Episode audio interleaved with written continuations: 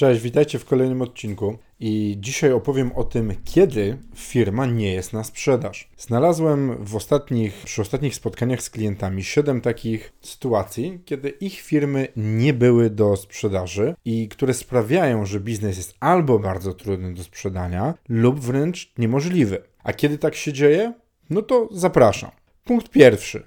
Ty Właściciel to firma. Jeśli jest tak, że wszystko w biznesie opiera się na tobie, zajmujesz się sprzedażą i masz relacje ze wszystkimi najważniejszymi klientami, proces decyzyjny w każdej nawet błahej sprawie opiera się na twoim tak lub nie, albo całe know-how jest tylko i wyłącznie w Twojej głowie, to niestety będzie problem ze sprzedażą Twojego biznesu. Chyba, że zamierzasz zostać w firmie jako jej pracownik i dalej pełnić swoją rolę. Bo tak też czasem się dzieje, że firma większa kupuje mniejszą firmę i zostawia prezesa, który dalej będzie nią zarządzał jako dyrektor, a oni będą czerpali zyski z tego, że firma dostarcza dodatkową wartość do całego zestawu. Niestety biznesy oparte na osobach, a nie systemach są zależne od ludzi co sprawia, że właśnie trudniej jest je zbyć. Można je przygotować, taką firmę do transakcji, zatrudniając osoby do robienia tego, co my i opisując procedury działania.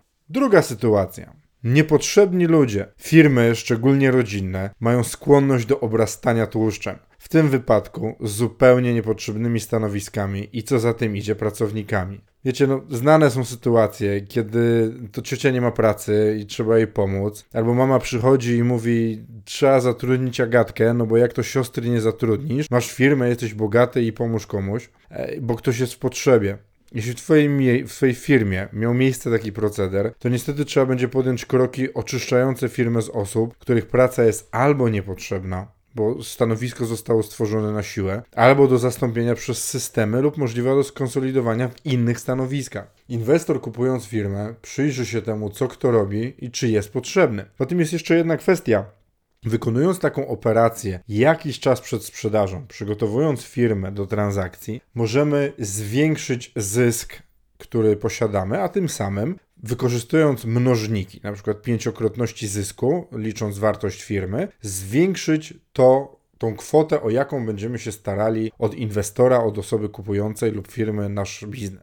Sytuacja trzecia. Czy prowadzisz kreatywną optymalizację podatkową lub kosztową i tylko dlatego Twój biznes jest rentowny? A tu się posłużę historią, która ostatnio do nas dotarła. Przychodzi do nas pan opowiedzieć o swojej firmie, którą chce sprzedać. Patrzymy na dokumenty, a tu super sytuacja. Słuchajcie, 20 pracowników, 10 milionów złotych przychodu i 2 miliony zysku. Normalnie firma marzenie. Jedynie właściciel mówi, że musi strasznie dużo pracować. No, no dobra, ale 20% zysku, 2 miliony złotych, że to jest niewiarygodne w, w skali roku. Po pewnym czasie rozmowy okazało się, że jest to możliwe dzięki optymalizacji kosztów zatrudnienia, bo pracownicy dostają połowę pensji w formie umowy pra o pracę, a drugą połowę totalnie pod stołem. I nagle okazuje się, że gdyby firma legalnie wypłacała pensję bez użycia swojej optymalizacji, to zysk niestety nie występuje. Jak częsty jest to proceder w Polsce, to już każdy musi sobie odpowiedzieć sam, ale to nie jest pierwsza firma, która do nas przyszła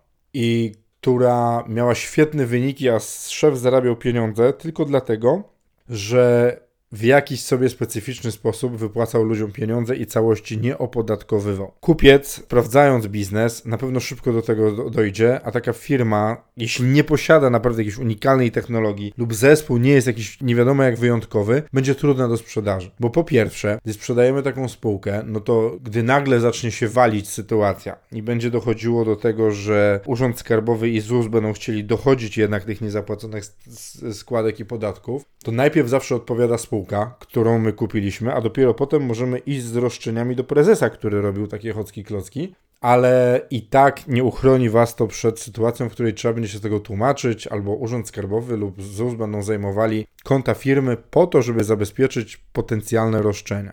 Sytuacja czwarta, nad wyraz częsta w małych i średnich przedsiębiorstwach, a to jest brak budżetu.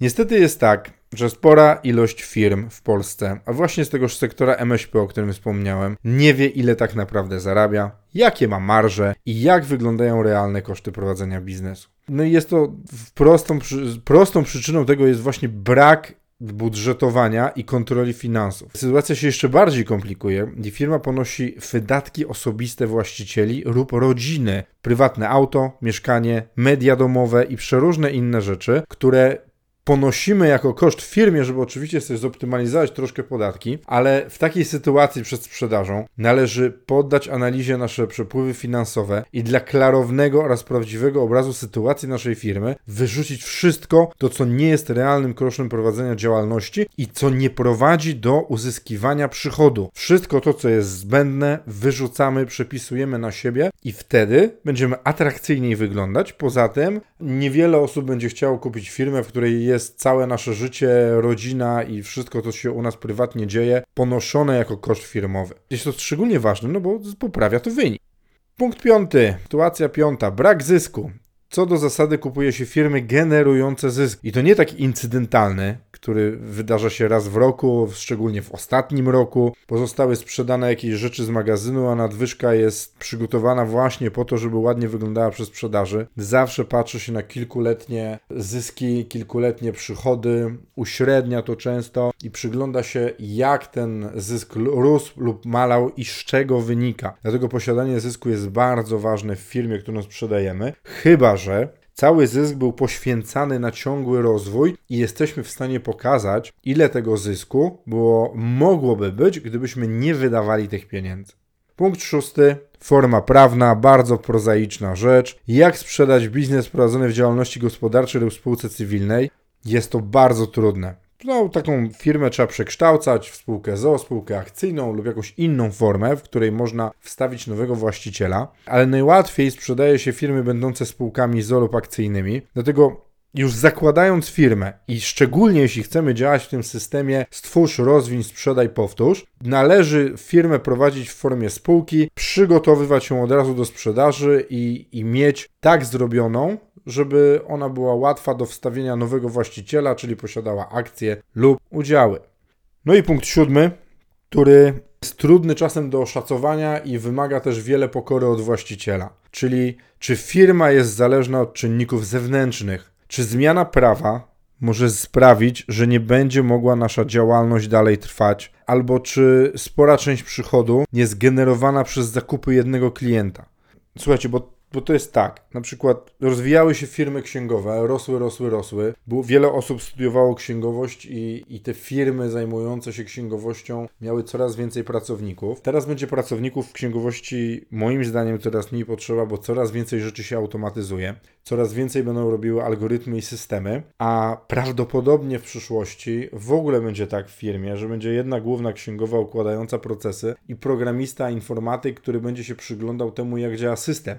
I to będzie koniec, i na tym będzie się kończyła firma księgowa, bo wszystko będzie się działo automatycznie. Szczególnie, że wprowadzono JPK, który sam też narzuca to, że jest kontrola systemowa nad tym, co się dzieje. Ale żeby tak spojrzeć sobie z boku na firmę, pomyśleć, czy na przykład AI nie przejmie naszych zadań, czy nasz biznes będzie miał sens za parę lat i w związku z tym, czy komuś opłaca się jego kupować, to to trzeba naprawdę pozbyć się sentymentu, sentymentu takiego właścicielskiego, gdzie patrzymy na firmę jak na nasze dziecko, na coś, na co poświęciliśmy bardzo wiele lat i myślimy, no kurde, to, to jest nasz dorobek życia, trzeba go sprzedać drogo i, i w ogóle on jest bardzo dużo warty. Właśnie z takiego myślenia trzeba wyjść, trzeba na zimno popatrzeć, dobra, to jest firma, to jest byt, właściwie produkt, który chcemy sprzedać, jaką on ma wartość i czy coś z zewnątrz nie sprawi zaraz, że nie będzie to komuś potrzebne. Bo jeśli istnieje taka możliwość, to jest szansa, że inwestor też dojdzie do takiego wniosku i po prostu naszej firmy nie kupi. Dziękuję Wam za wysłuchanie tego odcinka. On był bardzo krótki, ale ten odcinek będzie się rozwijał ja będę dodawał do tych siedmiu punktów nowe, e, w których będę opowiadał o rzeczach, które sprawiły lub sprawiają, że nasi klienci mają problem ze sprzedażą firmy. Więc ta lista będzie rosła. Ja sobie te rzeczy będę również spisywał i co jakiś czas będę aktualizował duży artykuł, duży, rosnący, więc będzie coraz większy artykuł na blogu, gdzie będą spisane tego rodzaju właśnie rzeczy, spostrzeżenia i moje przemyślenia na temat trudności ze sprzedażą firmy i jakie czynniki mają na to wpływ. Dziękuję Wam bardzo za wysłuchanie tego odcinka i do usłyszenia.